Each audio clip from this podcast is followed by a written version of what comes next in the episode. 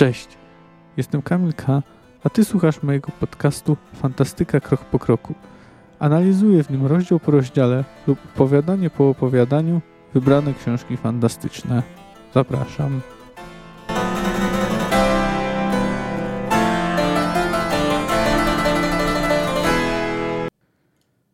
Zło to zło, strego Boże, rzekł poważnie Wiedźmin wstając. Mniejsze, większe, średnie. Wszystko jedno. Proporcje są umowne, a granice zatarte.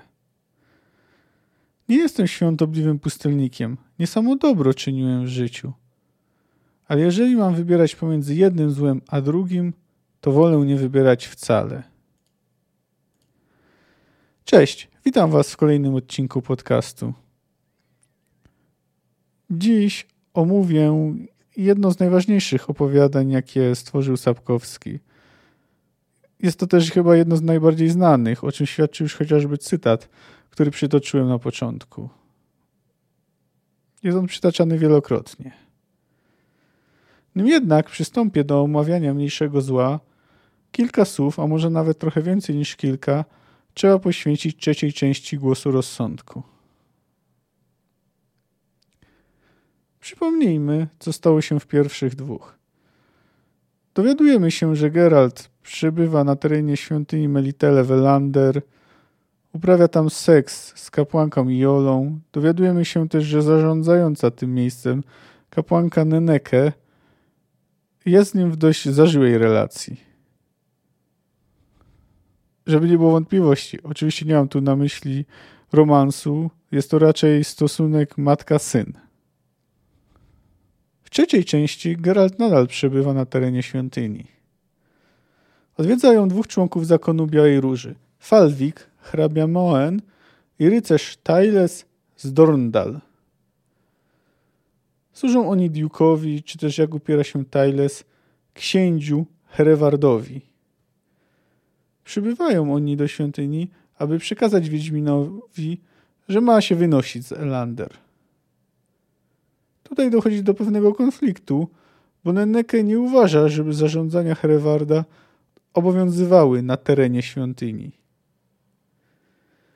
Przy okazji zresztą wyraża się o księciu dość lekceważąco, co oburza Tylesa, który nawet próbuje jej wygrażać.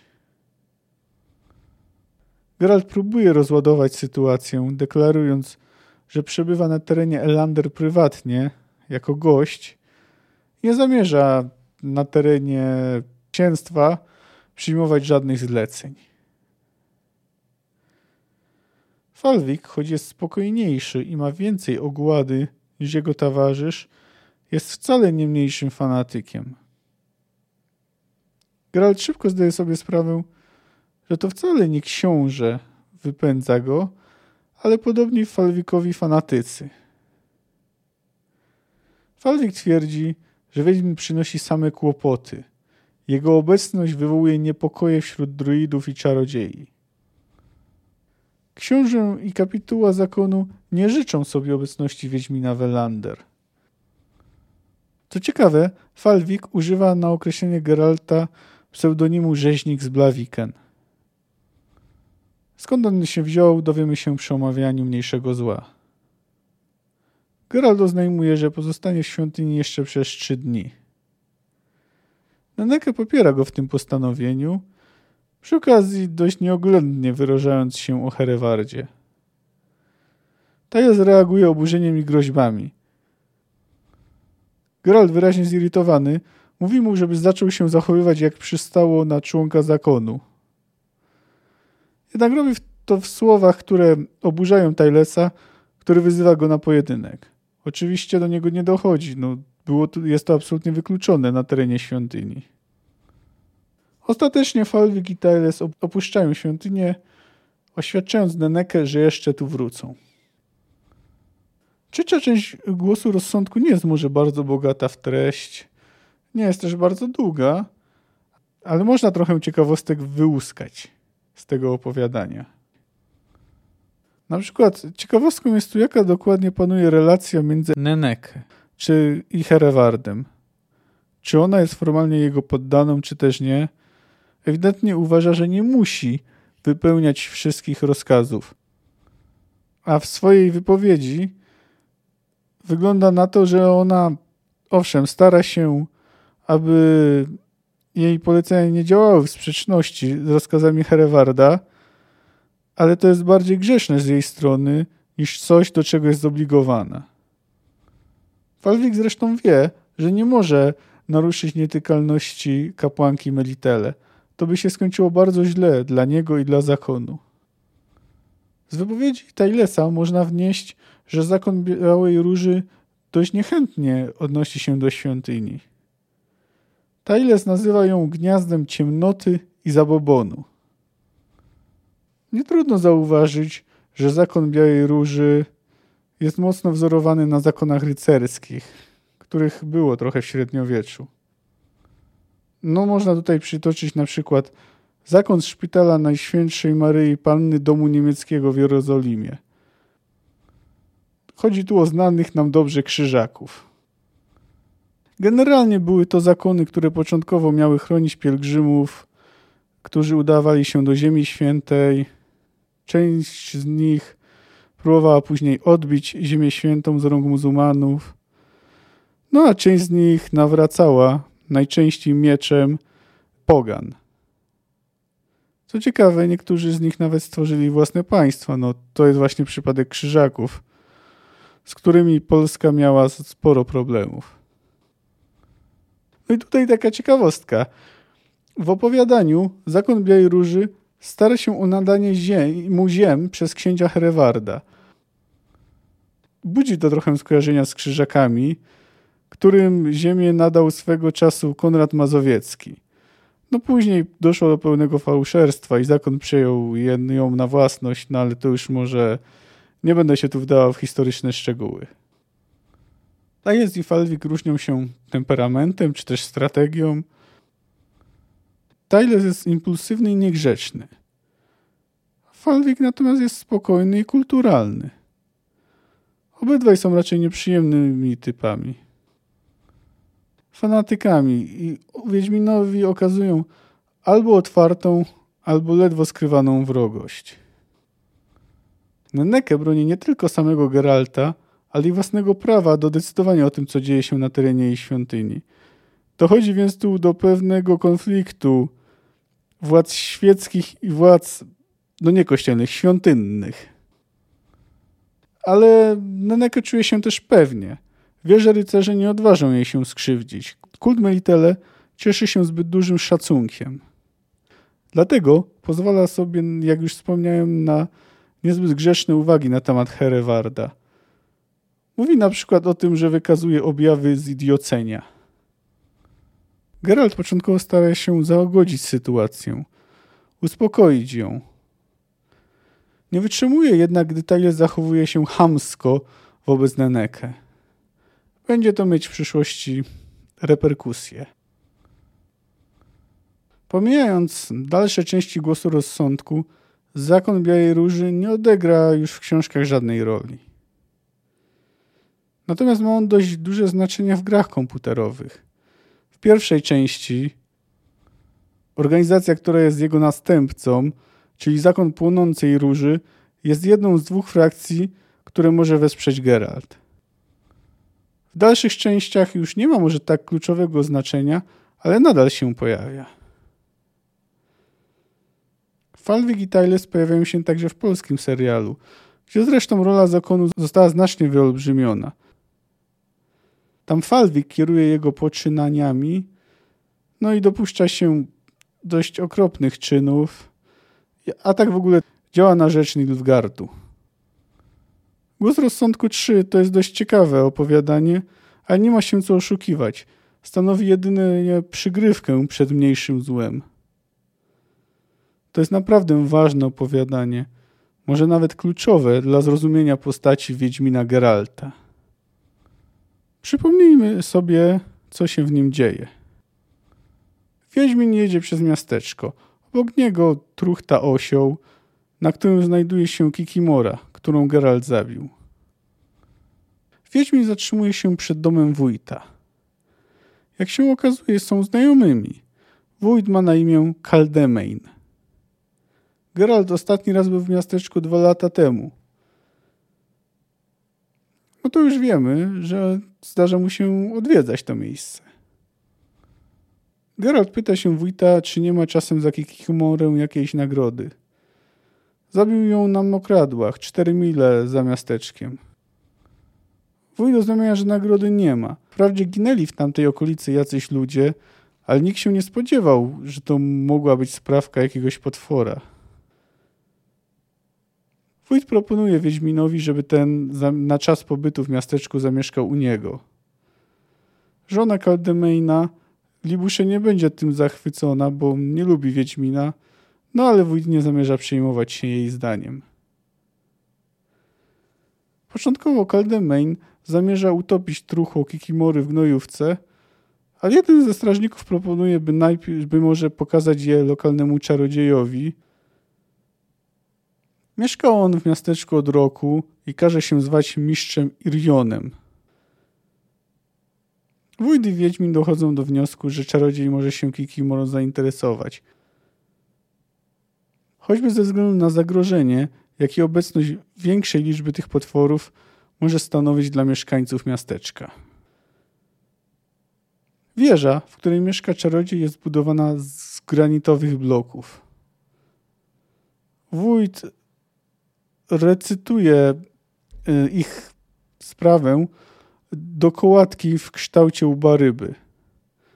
Początkowo są informowani, że mistrz Irion nie przyjmuje, więc Wiedźmin stwierdza, że należy zostawić zwłoki Kikimory przed wejściem do wieży, żeby czarodziej je sobie później obejrzał. Gdy mistrz Irion słyszy jego głos, zaprasza go do środka. Ale tylko jego, tylko Wiedźmina, bez Kikimory i bez wójta. Gdy Wiedźmin wkracza do wieży, najpierw wita go ciemność, a potem iluzja. To jest iluzja najwyższej klasy. Widać na niej domek położony w malowniczym sadzie, pasmo górskie gdzieś w odległości, a także nagą dziewczynę niosącą koszyk z jabłkami. Gdy Geralt dociera do wspomnianego domku, spotyka kolejnego znajomego – bo mistrz Irion to znany skądinąd Wiedźminowi czarodziej Stregobor. Co ciekawe, jego najbardziej charakterystyczną cechą jest to, że wygląda jak czarodziej. Najwyraźniej rzadko się to wśród czarodziejów zdarza. Niegdyś mieszkał w Kowirze. Przybrał imię mistrza Iriona, bo tak się nazywał konstruktor tej wieży. Jest to swoiste oddanie mu szacunku. Dość szybko okazuje się też, że poprzednie spotkanie Stregobora i Wiedźmina nie przebiegło pomyślnie, nie rozstali się w przyjaźni. Miało ono miejsce właśnie w Kowirze. Geralt chciał uzyskać zapłatę za zabicie Amfizbeny, ale Stregobor i drugi czarodziej tak go oczernili przed y, tamtejszym władcą, że musiał uciekać. Mimo wszystko Geralt postanawia wysłuchać czarodzieja, gdy ten zdradza, że jego życie jest w niebezpieczeństwie. Ta cała historia jest dość złożona. Zaczyna się od przekleństwa czarnego słońca, czy też jak nazywają je inni, manii obłąkanego Etibalda. Edibald był czarodziejem, który według Starego Bora na podstawie napisów na menhirach dałków, płytach nagrobnych wożgorów, a także podań i legend bobołaków, odczytał przesłanie, które mówiło o tym, że 60 kobiet z królewskich rodów urodzonych w okolicach zaćmienia słońca to jest właśnie e, wspomniane już w samej nazwie klątwy Czarne Słońce, utoruje drogę do powrotu złej bogini Lilith i doprowadzi do zagłady rasy ludzkiej. Geralt przedstawia trochę inną wersję tej historii. Według niej czarodzieje wykorzystali słowa szaleńca Etibalda, aby wpłynąć na sytuację polityczną, aby zwiększyć swoje wpływy, aby zamieszać trochę w rodzinnych koligacjach różnych rodów. Początkowo dziewczynki, które podejrzewano że są przeklęte, zabijano. Przeprowadzono na nich sekcję. Stregobor twierdzi, że był obecny podczas jednej z nich i dziewczyna wykazywała ewidentne obrazy mutacji. Jej narządy wewnętrzne były rzekomo prawie nie do poznania. Czarodzieje posunęli się nawet do tego, że jedną z dziewczynek wiwisekcjonowano, co oznacza, że przeprowadzono badanie na żywym organizmie. Nie mogło to być zbyt przyjemne. Geralt kwituje to dość stanowczo, ale w sumie słusznie. Tregor przyznaje, że czarodzieje niekiedy popełniali błędy. Niektóre dziewczynki zostały zabite bez powodu. W związku z ryzykiem błędu zaczęto podejrzane o mutację izolować, zamykać w wieżach. Duża część z nich szybko umierała. Krążą plotki, że nie bez pomocy czarodziejów. Strogobor temu zaprzecza. Twierdzi, że po prostu dość szybko zaczynały odmawiać jedzenia, a przed śmiercią zdradzały talent do jasnowidzenia, co ma być kolejnym dowodem ich mutacji w wyniku działania klątwy. Geralt wykazuje daleko posunięty sceptycyzm wobec całej historii. Ale jednak chce, żeby Stregobor powiedział mu o tym, co bezpośrednio mu zagraża. Stregobor zaczyna więc opowiadać. Cała historia miała swój początek w Kreiden, małym księstewku. Aridea, żona księcia Fredefalka, spojrzała rzekomo w zwierciadło Nehaleni, magiczny przedmiot, który prawdziwie, ale za wile pokazuje przyszłość. Zobaczyła w nim, że ona i mnóstwo innych ludzi ma zginąć z powodu albo z ręki pierworodnej córki księcia. Oczywiście z wcześniejszego małżeństwa. Skontaktowała się z czarodziejami, a ci przysłali na miejsce Stregobora. Dziewczynka rzekomo zamęczyła w czasie, gdy ją obserwował kanarka i dwa szczeniaki, a także wybiła oko służącej. Czarodziej twierdzi, że przeprowadził także na niej pewne testy i wszystkie potwierdzały, że prawdopodobnie została poddana mutacji. Udał się z tą sprawą do Arydei, bo ojciec dziewczynki podobno świata poza nią nie widział. Macocha zdecydowała, że dziewczynka musi umrzeć. Posłała go do lasu razem ze zbirem łowczym. Według starego Bora znaleziono go później w lesie bez spodni, ze szpilką od broszki wbitą w mózg. Czarodziej był zmuszony do upuszczenia księstwa, bojąc się gniewu ojca dziewczyny, który mógł wkrótce dodać dwa do dwóch i domyślić się, kto jest odpowiedzialny za jej zniknięcie. Aridea skontaktowała się z nim ponownie po czterech latach. Wytropiła dziewczynę w Mahakamie, gdzie przewodziła bandzie złożonej z niej i siedmiu gnomów. Ponoć tak polubiła nabijanie schwytanych żywcem ludzi na drewniane kołki, że nazwano ją dzierżbą. Aridea wysyłała morderców, ale żaden z nich nie, nie wrócił, nie podołali wyzwaniu. Bądź Renfrey, bo tak dziewczyna miała na imię, nauczyła się walki mieczem na bardzo wysokim poziomie. Aridea wkrótce zmarła otruta, a ojciec dziewczyny, która co ciekawe miała już 17 lat, zginął w wypadku na polowaniu. Renfrey wraz z gnomami terroryzowała Mahakam. Pewnego razu jednak się pokłócili i podobno tylko dziewczyna wyszła z tego żywa. Stregobor w końcu ją odnalazł i zamroził w magicznym krysztale i wrzucił do szybu kopalni. Jednak uratował ją jakiś królewicz, który rzekomo wydał całą fortunę na kontrzaklęcie. Jego ojciec był wszystkiemu raczej niechętny, ale sprawy potoczyły się tak szybko, że doszło do przewrotu pałacowego, a Renfrey została faworytą. Nie była nią długo, bo wkrótce zdarzył się kolejny przewrót pałacowy, no więc zajęła się polowaniem na Stregobora. W międzyczasie w jakiś sposób uodporniła się na magię. Stregobor twierdzi, że to może być efekt jej mutacji, ale on nawet nie jest tego pewien. W każdym razie dziewczyna go szukała. Znalazła go w Kowirze, uciekł. Potem znalazła go w Pontarze i Angrenie. Każdy z tych miejsc opuszczał. W końcu znalazł się w Blaviken. Tak nazywa się miasteczko, w którym toczy się akcja opowiadania. Renfrey też już w nim jest. I to nie sama. Razem z nową bandą. Strakobor chce, by Geralt się jej pozbył. Wie, że jest bezpieczny, ale nie ma zamiaru siedzieć w niej do końca życia.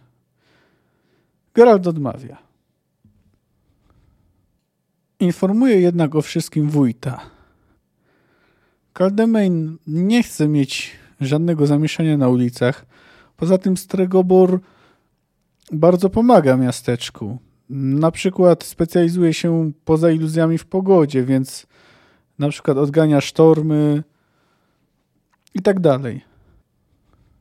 Wiedźmin razem z wójtem udają się do zajazdu Złoty Dwór. Tam zatrzymała się Renfri z towarzyszami. Wiedźmin sam udaje się do Alkierza. Jest tam banda, ale dziewczyny nie ma. Atmosfera jest raczej napięta. Towarzysze Renfri traktują Wiedźmina raczej wrogo, wyraźnie mając ochotę i nadzieję na awanturę. Szczególnie chętny na nią jest półelf Civril, który zresztą poniekąd znieważa matkę Geralta. Być może doszłoby do jakiejś walki, gdyby w samą porę nie zjawiła się Renfri. Jest bardzo wysoka, prawie tak jak Geralt. Ma jasne włosy i niebieskie oczy. Udają się razem do wójta.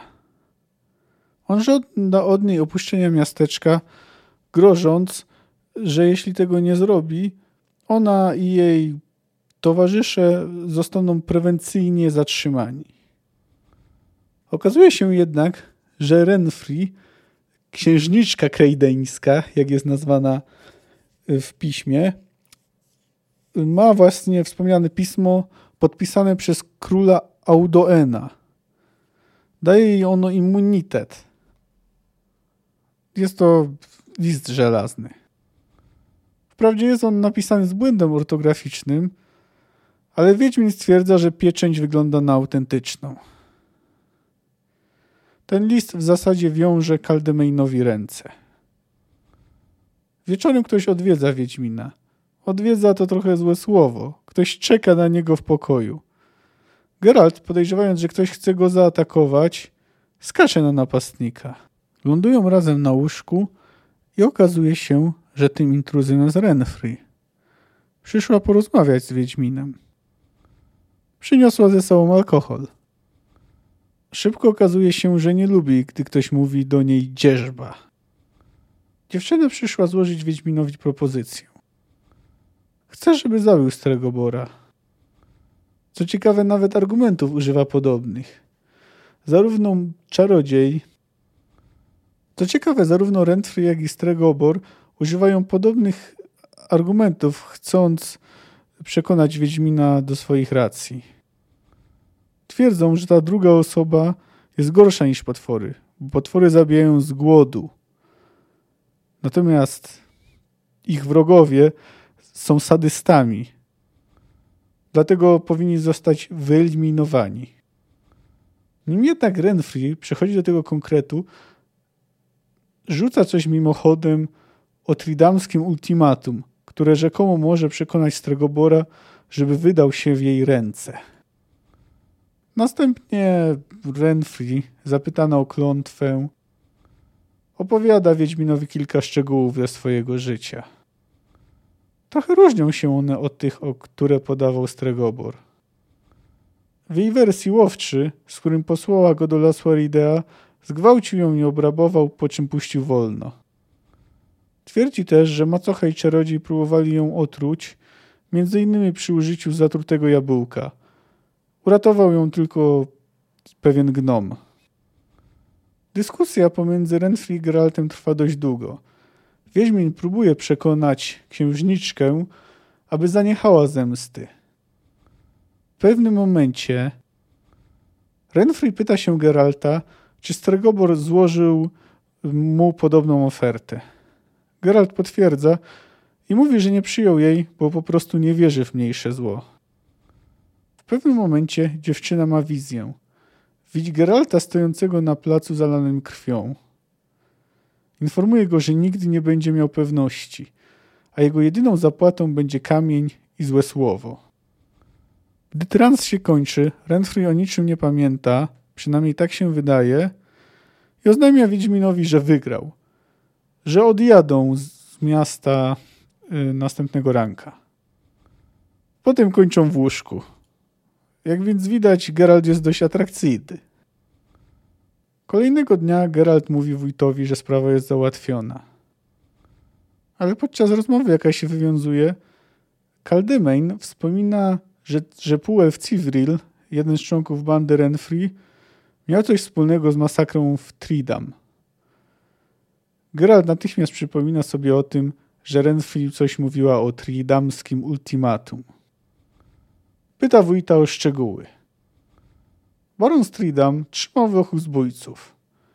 Ich towarzysze przejęli prom pełen pielgrzymów i zażądali uwolnienia towarzyszy. Baron odmówił. Ci więc zaczęli mordować zakładników. W końcu baron ustąpił. Teraz Gerald rozumie, o co chodziło Renfrey.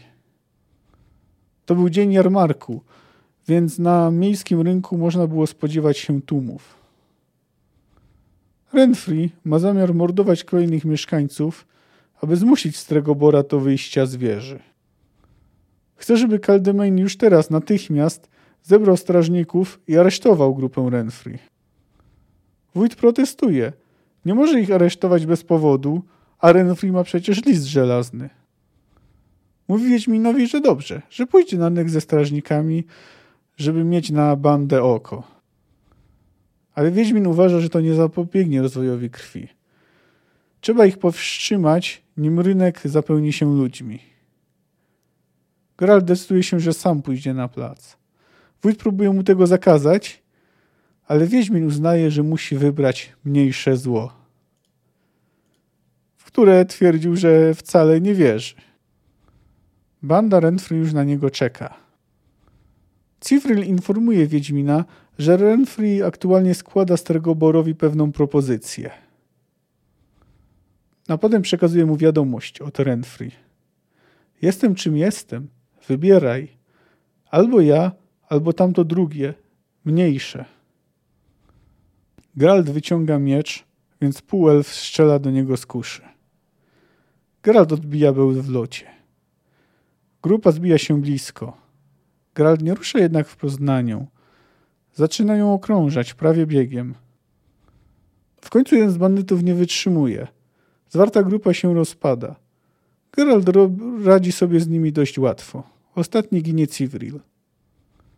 Gdy wszyscy są martwi, na plac wkracza Renfrey.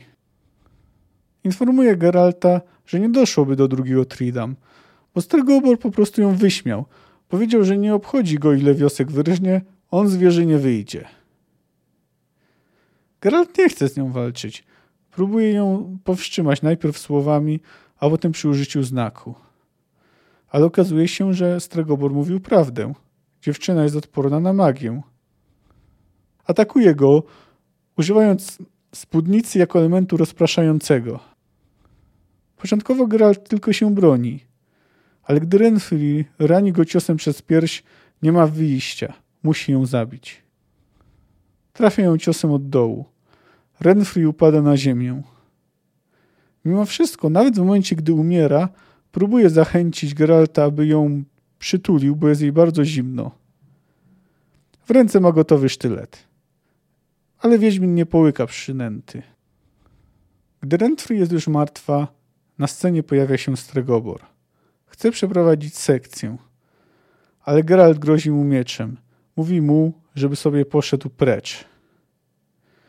Czarodziej oznajmia mu, tak jak to było w wizji Renfrey, że nigdy nie będzie mieć pewności. Proponuje jeszcze Wiedźminowi, żeby wrócił razem z nim do Kowiru.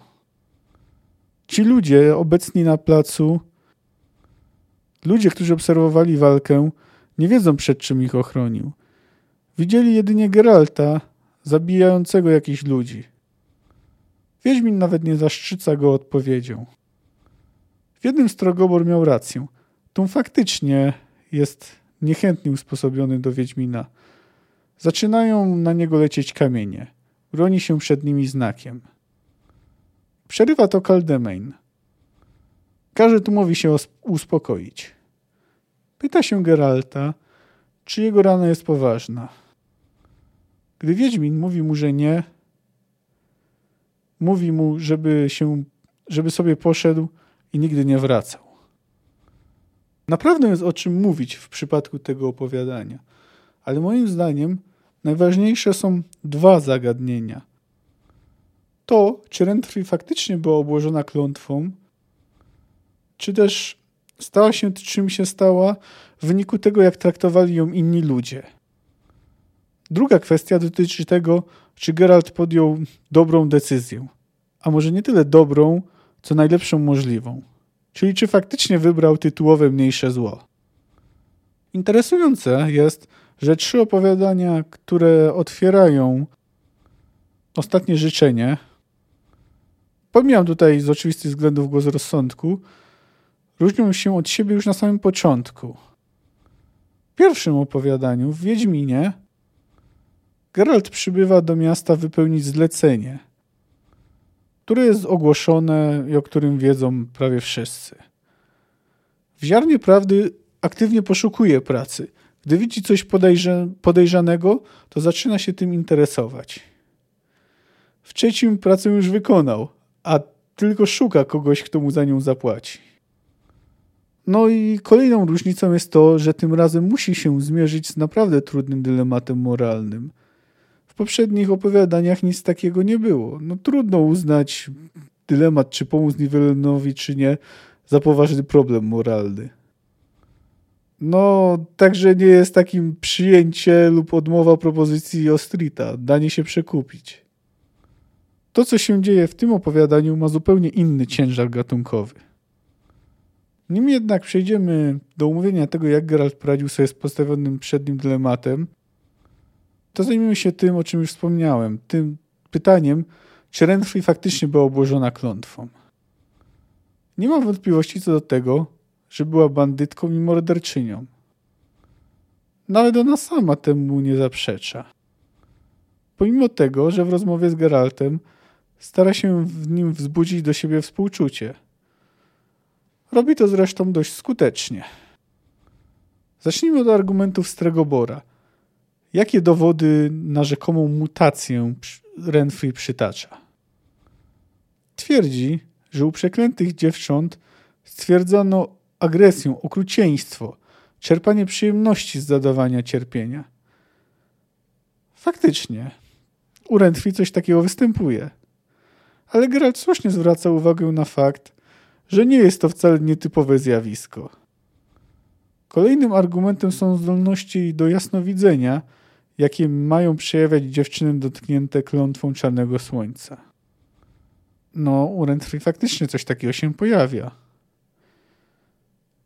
Ma ona wizję swojej śmierci i tego, co spotka po niej Geralta. Jest zresztą możliwe, że ten trans został wywołany przez Geralta, który być może celowo pokazywał jej swój medalion.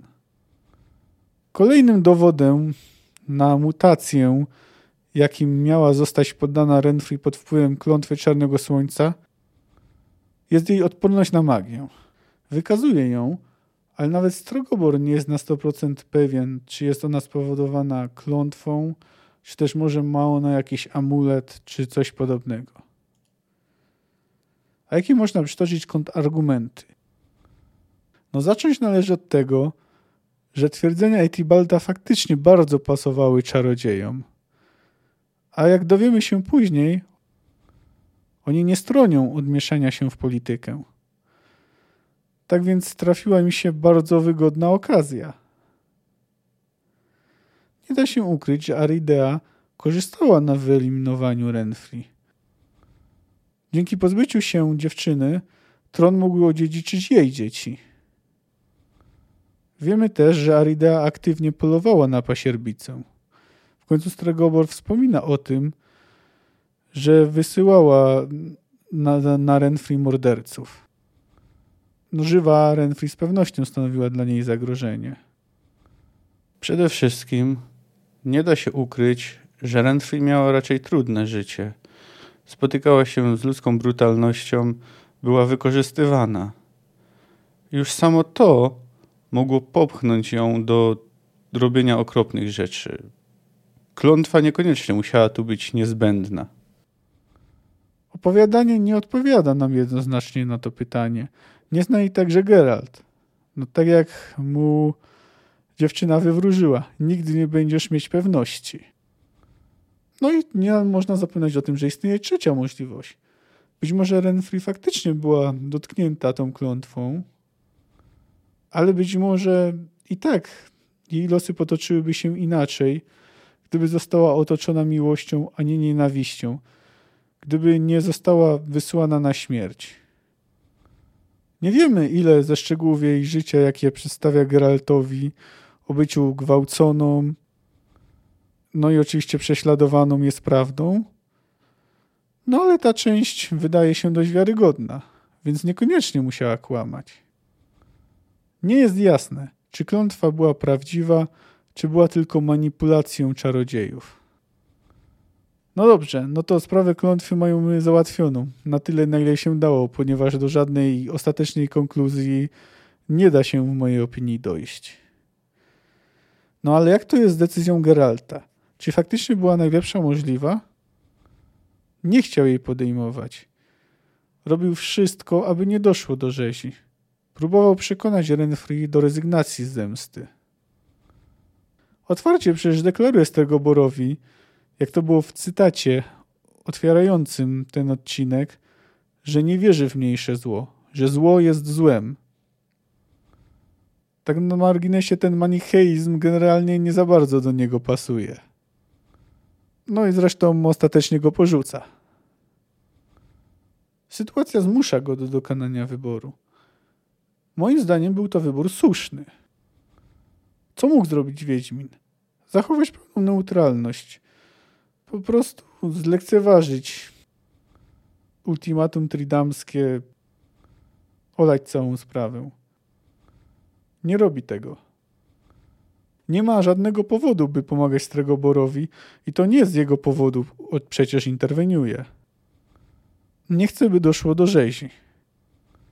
Może miał jeszcze nadzieję, że w ostatniej chwili uda mu się odwieść dzierżbę od zamiaru mordowania niewinnych. W końcu, gdy przychodzi na rynek, zaczyna od pytania skierowanego do grupy, gdzie jest Renfri. Wprawdzie dziewczyna mówi Geraltowi, że do żadnej rzeźby nie doszło, bo Stregobor ją wyśmiał. Jest bardzo prawdopodobne, że to zrobił, natomiast mam wątpliwości co do pierwszej części tej wypowiedzi. Renfri i jej grupa to nie są osoby, które mogą mieć jakieś skrupuły przed mordowaniem. Mogliby po prostu chcieć spróbować sprawdzić, czy może jednak mak się złamie i wyjdzie z wieży. A nawet jeśli nie, to po prostu mogliby wyładować swoją frustrację e, na cywilach. W ogóle nie wiadomo, czy ten dialog miał dokładnie taki przebieg, jak dziewczyna referuje. Mogła chcieć po prostu zranić Geralta, wybić go z równowagi, aby mieć większe szanse na zwycięstwo w walce z nim. Dlatego też moim zdaniem jest bardzo prawdopodobne, że do rzezi by doszło, i najprawdopodobniej Geralt uratował tego dnia życie wielu ludziom, nawet jeśli oni nie byli tego świadomi. W sumie jest dość ciekawe, że Geralt zyskał ten złowrogo brzmiący tytuł rzeźnika z Blaviken za zabicie siódemki bandytów. Wiadomo, że wpływ na to mają okoliczności. Z punktu widzenia postronnego obserwatora, który niewiele wie o czym, co się dzieje, ta sytuacja mogła wyglądać jak bandyckie porachunki, o ile nie po prostu morderstwo w biały dzień. No ale z pewnością sprawie zrobiło się głośno, skoro to miano wymienia Falwik. No dobrze, załatwiliśmy te dwa kluczowe problemy, jakie stawia przed czytelnikiem to opowiadanie. No ale to przecież nie koniec. Raczej wręcz przeciwnie jest jeszcze dużo rzeczy do omówienia.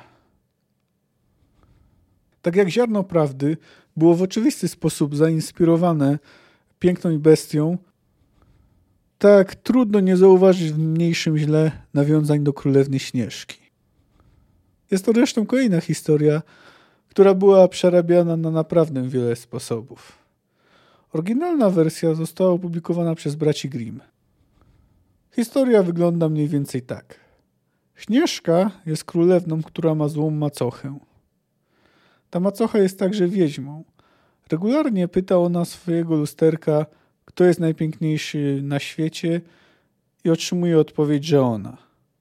Ale gdy Śnieżka osiąga wiek siedmiu lat, lusterko wymienia właśnie królewnę jako najpiękniejszą osobę na ziemi. Królowa nie może tego znieść, wysyła więc dziewczynkę do lasu złowczym, który mają zabić i przynieść królowej jej serce. Wiedźma chce je później spożyć i dzięki temu ma rzekomo osiągnąć wieczną młodość. Myśliwy jednak lituje się nad królewną, pozwala jej uciec, a samej królowej pokazuje serce zwierzęcia. Dziewczynka błąka się po lesie, aż w końcu trafia do małego domku. Właściciele są nieobecni. Zmęczona dziewczynka zjada malutkie posiłki, jakie są w domku, a potem próbuje łóżka. W końcu udaje jej się zasnąć na jednym z nich. Gdy krasnoludki, które są mieszkańcami tego domu, wracają, błyskawicznie orientują się, że padli ofiarą włamania. Wszystko jest nie na swoim miejscu. W końcu znajdują Śnieżkę. Gdy królewna się budzi, wyjaśnia im swoją sytuację. Robi im się jej żal. Pozwalają jej zostać z nimi, zamieszkać razem w tym domu, w zamian za to, że będzie im sprzątać i gotować. Uczulują ją, żeby nikogo nie wpuszczała do środka, gdy oni pracują w górach. Lewna wyrasta na piękną kobietę. Macocha jest przekonana, że pozbyła się jej raz na zawsze, jednak już dekadę po śmierci królewny znów zagląda w lusterko. Ku swojemu zdumieniu i przerażeniu dowiaduje się, że Śnieżka żyje w chatce razem z krasnoludkami. Nie jest martwa. Tym razem postanawia załatwić sprawę osobiście. Przybiera różne postaci i próbuje zabić królewnę najpierw przy pomocy wyjątkowo wąskiego gorsetu, ale Śnieżka zostaje uratowana przez krasnoludki, którzy go luzują. Królowa podejmuje kolejną próbę, tym razem przy użyciu zatrutego grzebienia, ale ona też kończy się niepowodzeniem. W końcu daje jej do zjedzenia zatrute jabłko. Królewna ma pewne podejrzenia, ale gdy macocha zjada połowę, to królewna bierze y, je do ust. Zjadła zatrutą połowę jabłka. Śnieżka zapada w śpiączkę. Krasnoludki są przekonane, że tym razem naprawdę nie żyje, nie da się jej uratować. Umieszczają więc jej ciało w szklanej trumnie. Przypadkowo natrafia na nią książę, który akurat był na polowaniu. Dowiedziawszy się od krasnoludków o historii dziewczyny, uzyskuje ich zgodę, aby przetransportować jej ciało do zamku jej ojca. Jednak w trakcie podróży kawałek zatrutego jabłka wypada z gardła Śnieżki. Wraca ona do życia. Książę oferuje jej małżeństwo, a ona przyjmuje propozycję. Królowa znów spogląda w lusterko. Ale nie jest najpiękniejsza na świecie. Najpiękniejsza jest przyszła małżonka księcia. Wiedźma przybywa więc na ślub i próbuje ponownie zabić Śnieżkę. Jednak nie odnosi sukcesu, a książę skazuje ją na taniec w rozgrzanych żelaznych butach, aż umrze. Co ciekawe, w oryginalnej wersji y, to matka, a nie macocha królewny chciała ją zabić. Zostało to zmienione w kolejnych edycjach. Jak więc słyszycie, Sapkowski całkiem wziął całkiem sporo elementów z tej historii, ale w sumie mają one znaczenie drugorzędne. Stanowią tło całej intrygi, a nie jej najważniejszą część. Mamy macochę prześladującą księżniczkę i łowczego, któremu robi się żal swojej ofiary. No ale Sapkowski sprawia, że historia jest bardziej mroczna, bo ten wcześniej wykorzystuje Renfri seksualnie. Sapkowski generalnie wykrzy wykrzywia motywy, jakie bierze y, z Królewny Śnieżki. Znowu mamy fantastyczną postać ratującą księżniczkę. To jest gnom, a nie krasnoludek. No ale, no ale właśnie, to jest gnom. Renfri nie spotyka i nie zamieszkuje z pracowitymi, życzliwymi krasnoludkami. Zamiast tego zadaje się z gnomami bandytami. Pojawia się też motyw dość podobny do pochówku w trumnie, czyli zamknięcie w krysztale. I nawet jest inne podobieństwo. Jakiś książę, królewicz ratuje księżniczkę. Nawiązują tenże romans, ale Renfri nie zostaje jego żoną, a tylko pierwszą faworytą, a i tak to nie na długo. No, pojawia się także motyw otrucia z próbą jabłka. No oczywiście nie wiemy na 100% czy to miało miejsce, ponieważ dowiadujemy się o nim jedynie ze słów Renfri, ale wydaje się, że to całkiem możliwe. No dobrze, mamy omówioną baźń, z której teraz skorzystał Sapkowski. Jedziemy dalej. Już powiedziałem o Geralcie, ale nie wydaje mi się, żebym wyczerpał temat. O ile w Wiedźminie był dość zimnym profesjonalistą, w Ziarnie Prawdy już pokazywał więcej humoru i ogólnie emocji, ale w mniejszym źle już jest o wiele bardziej emocjonalny. Sądząc z jego reakcji na zaczepkę Civrila, fakt, że nie zna swojej matki, stanowi go czuły punkt, jest powodą pewnych kompleksów. No nie należy też przesadzać. Nie oznacza to, że emocje nim kierują. On umie je kontrolować. Natomiast bez wątpienia je odczuwa i momentami to pokazuje. Dowiadujemy się, że jest naprawdę światowym człowiekiem. Zna czarodziejów, bywał w Kowirze. Rozmowa ze, rozmowa ze Stregoborem pozwalała mu popisać się wiedzą o świecie i erudycją. A teraz pozwolę sobie na przytoczenie kilka cytatów z tej rozmowy, które uważam za bardzo ciekawe. Czy też przez to, że właśnie prezentują wiedzę Geralta, czy też przez to, że nie jest łatwowierny, nie łyka łatwo kitu, jaki próbuje mu sprzedać Stregobor, czy też przez to, jak sprawnie posługuje się zjadliwą ironią. Stregobor, powiedział Geralt, taki jest świat. Wiele się widzi podróżując. Dwóch chłopów zabija się o miedzę pośrodku pola, które jutro stratują konie drużyn dwóch komesów, chcących się nawzajem wymordować. Wzdłuż dróg na drzewach dyndają wisielcy. W lasach zbójcy podrzynują gardła kupcom. W miastach co krok potykasz się o trupy w rynsztokach.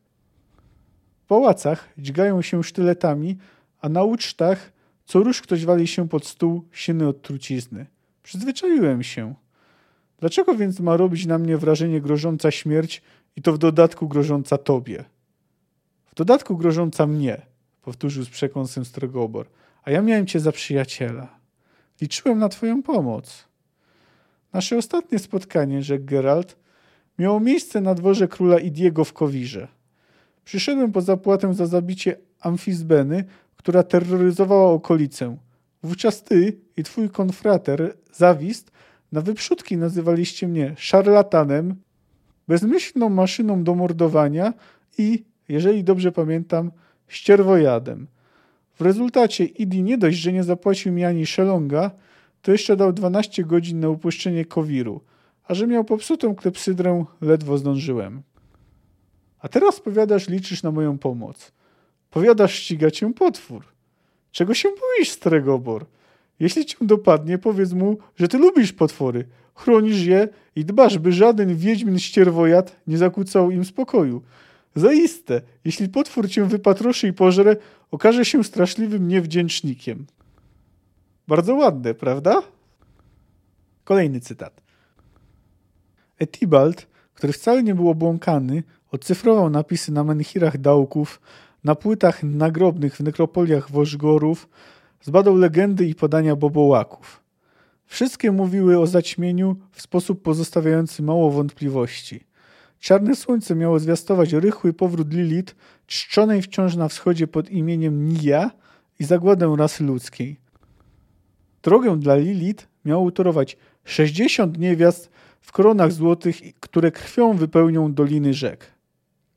Brednia, powiedział Wiedźmin, a w dodatku nie do Rymu. Wszystkie przyzwoite przepowiednie są do Rymu. Po raz drugi. Bardzo ładna riposta. Widziałeś różne mutacje, powiadasz, uniósł głowę czarnoksiężnik.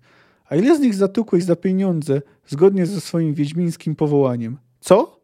Bo można mieć wilcze kły i poprzestawać na szczerzeniu ich do dziewek w oberży, a można mieć jednocześnie wilczą naturę i atakować dzieci. A tak właśnie było w przypadku dziewczynek urodzonych po zaćmieniu, u których stwierdzono wręcz niepoczytalną skłonność do okrucieństwa, agresji, gwałtownych wybuchów gniewu, a także wybujały temperament. U każdej baby można stwierdzić coś takiego, zadrwił Geralt. Cóż, cytat może kontrowersyjny, ale jednak trochę zabawny.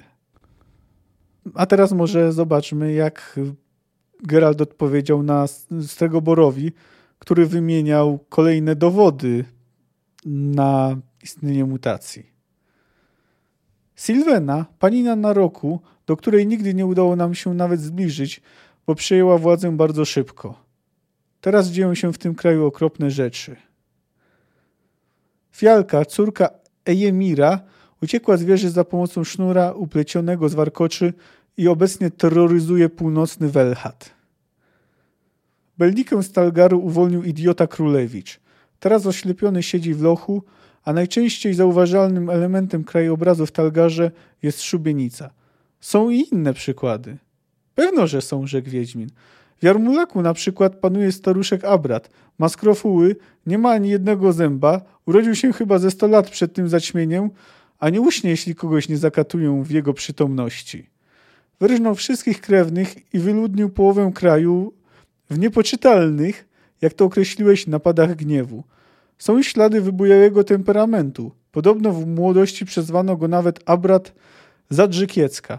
Ech, Stregobor, byłoby pięknie, gdyby okrucieństwa władców można było wytłumaczyć mutacją lub klątwą. No tu mamy ironię połączoną z wiedzą i zdrową dawką sceptycyzmu. Jak wiesz, zwierciadła Nehaleni służyły głównie prorokom i wyroczniom, bo bezbłędnie, choć za wiele, przepowiadają przyszłość. Ale idea dość często zwracała się do zwierciadła. Ze zwyczajowym pytaniem, jak sądzę, przerwał Geralt. Kto jest najpiękniejszy na świecie? Jak wiemy, wszystkie zwierciadła Nehaleni dzielą się na uprzejme i na rozbite. To moim zdaniem całkiem dowcipna uwaga. No i już ostatni cytat. Napluć mi na prawą i na wójta i na jego pomoc, wybuchnął Stregobor. Nie potrzebuję obrony, chcę, byś ją zabił. Do tej wieży nie wejdzie nikt. Jestem tu zupełnie bezpieczny. Ale co mi z tego? Nie mam zamiaru siedzieć tu do końca swoich dni. Dzierżba nie zrezygnuje, póki żyje, wiem to. Mam siedzieć w tej wieży i czekać na śmierć? One siedziały. Wiesz co, magiku? Trzeba było zostawić polowanie na dziewczęta innym, potężniejszym czarodziejom. Trzeba było przewidzieć konsekwencje. Złośliwość, ale i trudno nie przyznać Geraltowi racji. Przy okazji widzimy jeszcze jedną rzecz. Geralt, choć często pozuje na milczka, to lubi czasem sobie pogadać i popisać się swoją wiedzą o świecie. Co jeszcze można powiedzieć o Wiedźminie? Pomimo tego, że stara się nie mieszać w nie swoje sprawy, to gdy trzeba, gdy sytuacja go do tego zmusi, zajmie stanowisko i zrobi to, co uważa za słuszne. Przejdźmy teraz do naszej królewnej Śnieżki. Renfri nie jest dobrą osobą. Cokolwiek spowodowało, że stała się tym, czym się stała, niewiele można o niej powiedzieć dobrego. No bo to, że jest atrakcyjna, to nie jest cecha charakteru, bo, bo jest to w zasadzie od niej niezależne. Popełniała przestępstwa, a nawet zbrodnie. Tutaj taka ciekawostka. Pseudonim Cierzba, którego, jak już wspomniałem, bardzo nie lubi, ale którego się nie wypiera, pochodzi prawdopodobnie od ptaka o tej samej nazwie. Ma on w zwyczaju nabijać swoje ofiary na gałęzie. Trudno zaprzeczyć temu, że eliminacja Renfrey wyszła wszystkim na dobre. Nawet jeśli postawiła Caldemaina w, w sytuacji więcej niż niezręcznej. Tregobor również nie jest dobrym człowiekiem. Był zamieszany w śmierć dziewczynek, które rzekomo były pod wpływem czarnego słońca. Wie, a, i może, a może i uczestniczył w wiwisekcji jednej z nich. Prześladował Renfrey. Także Geralt ma niezbyt miłe wspomnienia związane z nim. Stracił przez niego pieniądze za uczciwie zrealizowane zlecenie.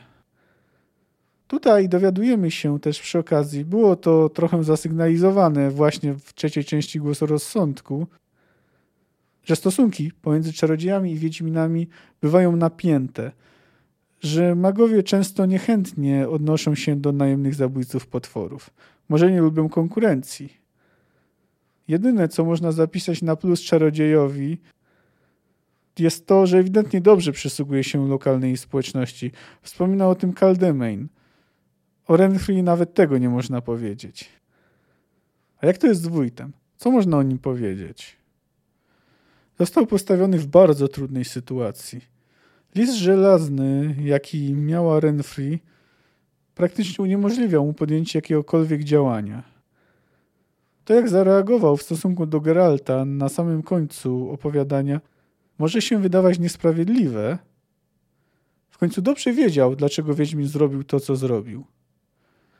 Ale też wójt wyraźnie protestował przeciwko planom Geralta. Próbował mu zakazać ich realizacji. Robił to w dużej mierze ze względu na własny interes.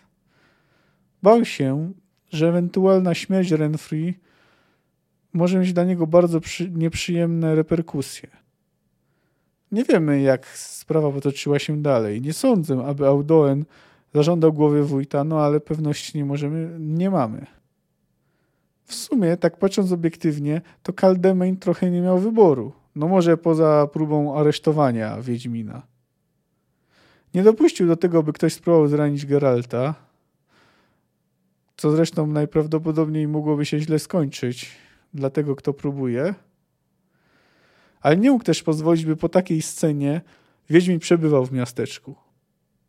Poniekąd był zmuszony go wygnać.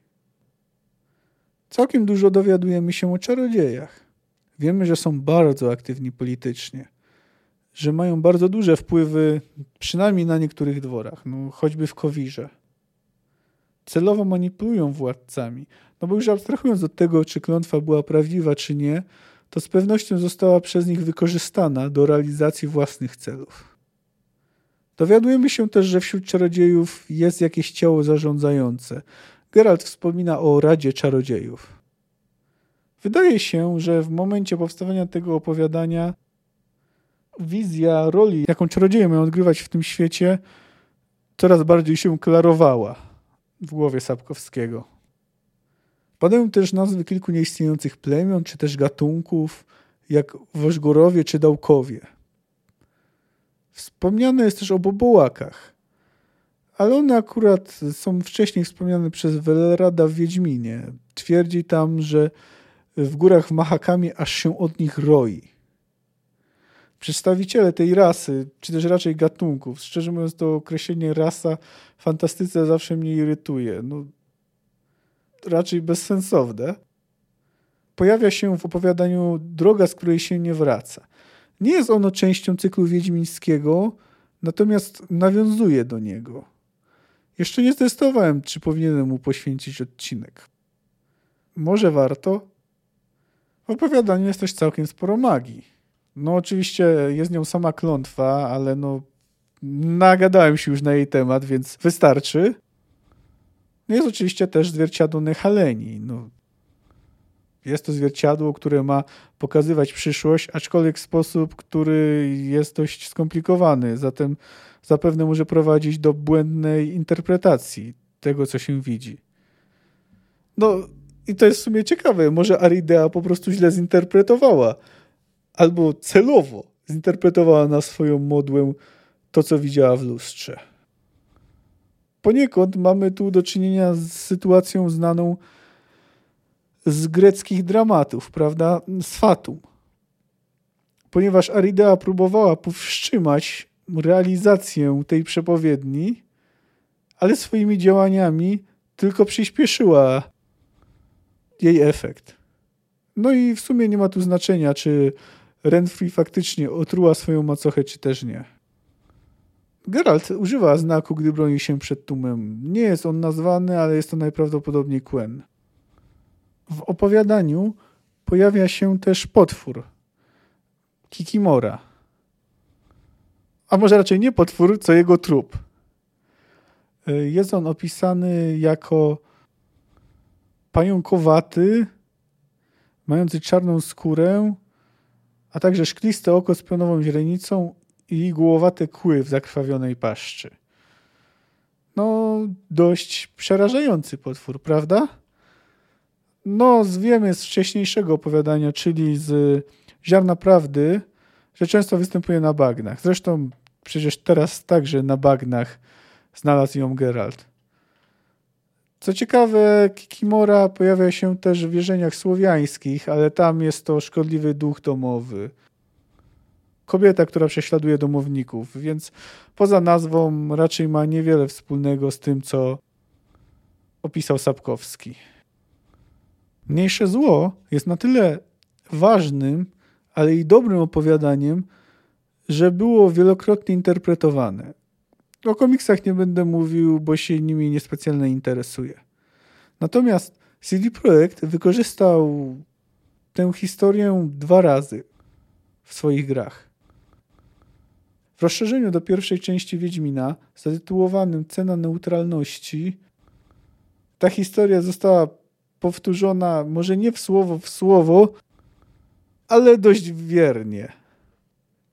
No, generalnie twórcy czerpali garściami z opowiadania. Padają tam dość często, zresztą jak w całej grze, dosłowne cytaty z niego. W każdym razie tam cała y, historia toczy się w pobliżu wiedźmińskiego siedliszcza Kaermoren, gdzie czarodziejka Sabrina Glewisik ściga Deidre, niegdysiejszą księżniczkę, która rzekomo jest obłożona klątwą. Deidre jest bardzo oparta na Renfrey. Często, jak już wspomniałem, posługuje się dosłownie cytatami z niej. Tutaj dodatkowo sytuację trochę komplikuje fakt, że dziewczyna jest związana więzami przeznaczenia z przyjacielem Geralta, innym Wiedźminem Eskelem. Geralt może wybrać, po której stronie powinien stanąć, no i sytuacja w związku z tym ma różne zakończenia. CD Projekt wrócił do kwestii klątwy Czarnego Słońca, w dodatku do trzeciej części Wiedźmina zatytułowanym Krew i Wino. Tam historia jest trochę bardziej skomplikowana. Nie będę się tu na jej temat rozwijał. Zresztą uważam, że jak ktoś nie grał, a lubi gry, to warto ją poznać. W każdym razie rzecz dzieje się w tu są i rzekomo przeklętym dzieckiem była starsza siostra obecnej księżnej, która zarządza y, tym miejscem. Nie jest to podcast po, poświęcony grom, ale wspomnę tylko, że jeden z możliwych wydarzeń jest szturm całej armii wampirów i innych potworów na księstwo.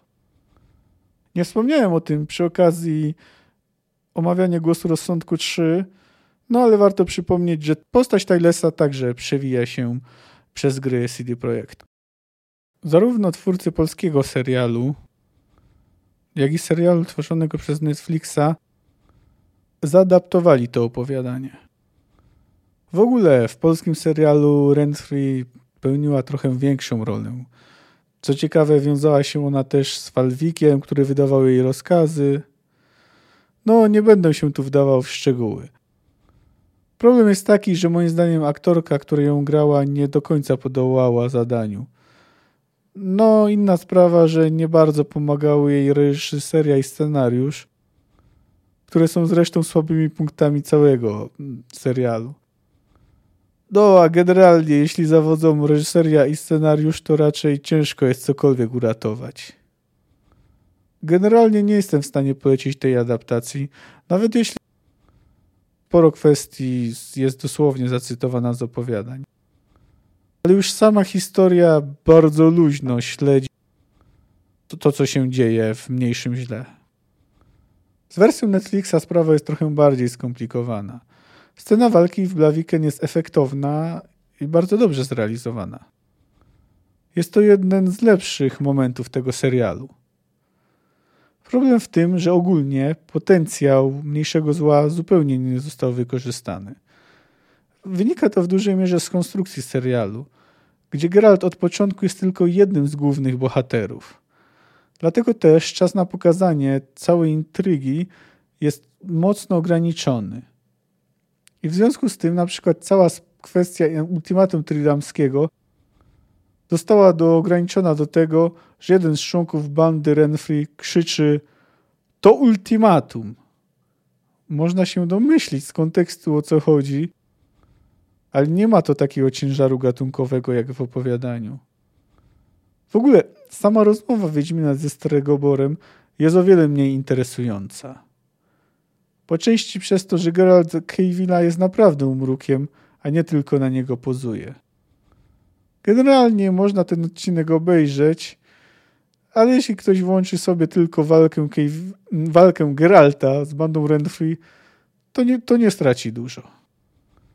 Aha, no i skoro opowiedziałem o aktorce grającej Renfrey w polskim serialu, to warto powiedzieć tyle, że moim zdaniem wypadła ona u Netflixa dobrze.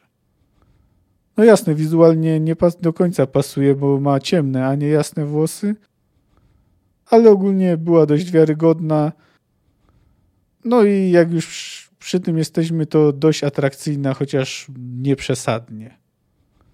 Wydaje mi się też, że serial próbuje ją nieco wybielić. No ale to już wybór scenarzystów. Zbliżamy się do końca. Mniejsze zło jest opowiadanie, które poniekąd zdefiniowało Geralta. Moim zdaniem dość często zdarza się, że jest źle interpretowane, bo według mnie to, co zrobił Geralt, było słuszne. W przeciwnym wypadku byłoby ono pochwałą bezczynności. Geralt z dużym prawdopodobieństwem zapobiegł masakrze. To dobra rzecz. Podjął najlepszy wybór, jaki mógł z informacjami, jakie posiadał. Oczywiście wybór mniejszego zła miał dla niego niezbyt przyjemne konsekwencje. Jak to powiedziała Renfrey w transie, jego zapłatą były kamień i złe słowo. Tak czy owak jest to opowiadanie świetne, pełne znakomitych dialogów, z dylematem moralnym, dynamiką.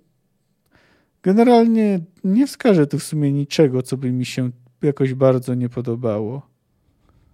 Podoba mi się też, że opowiadanie ostatecznie nie udziela odpowiedzi na pytanie, czy Renfrey była przeklęta, czy nie.